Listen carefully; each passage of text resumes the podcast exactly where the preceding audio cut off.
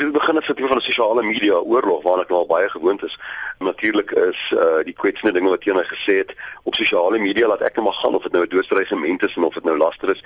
Uh, ou laat dit maar gaan. Maar as 'n ander bekende persoon met 'n bietjie meer clout soos hulle sê, hierdie dinge begin kwytraak en dan begin 'n reaksie kom van die dinge wat hy sê, dan moet 'n ou dit maar as tuistering sien.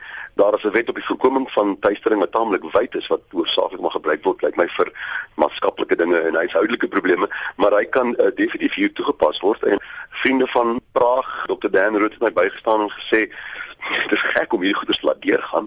Daar's 'n hele wet wat namens jou kan praat.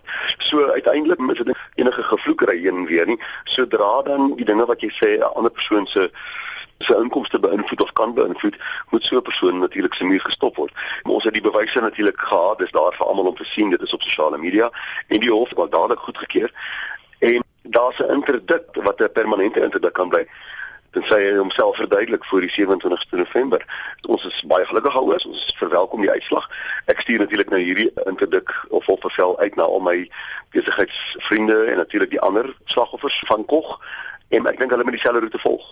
Uitgesê wil jou reüneer. Ja, jy sien wel die tipe ding wat natuurlik 'n mens baie ligtelik moet kwytdra. Ek sien nie omdat mense die vryheid van spraak het en assosiasie het en albe kan seker maar sê wat hulle wil, maar sodra dit kom by daardie tipe uitdagings, daardie tipe beledigings, ehm um, daar reël. Jy kan byvoorbeeld sê wat jy wil, ons almal soek vryheid van uitdrukking, vryheid van media en pers, maar ons weer is nie 'n absolute vryheid nie. Ons weer daar's 'n hele paar dinge wat jy nie kan sê nie. So ja, as jy nie jou eie grense kan trek nie, dan moet jy maar voel en ek dink uh, Konrad Koch of beter bekend as Chester Missing gaan nou so 'n bietjie voel.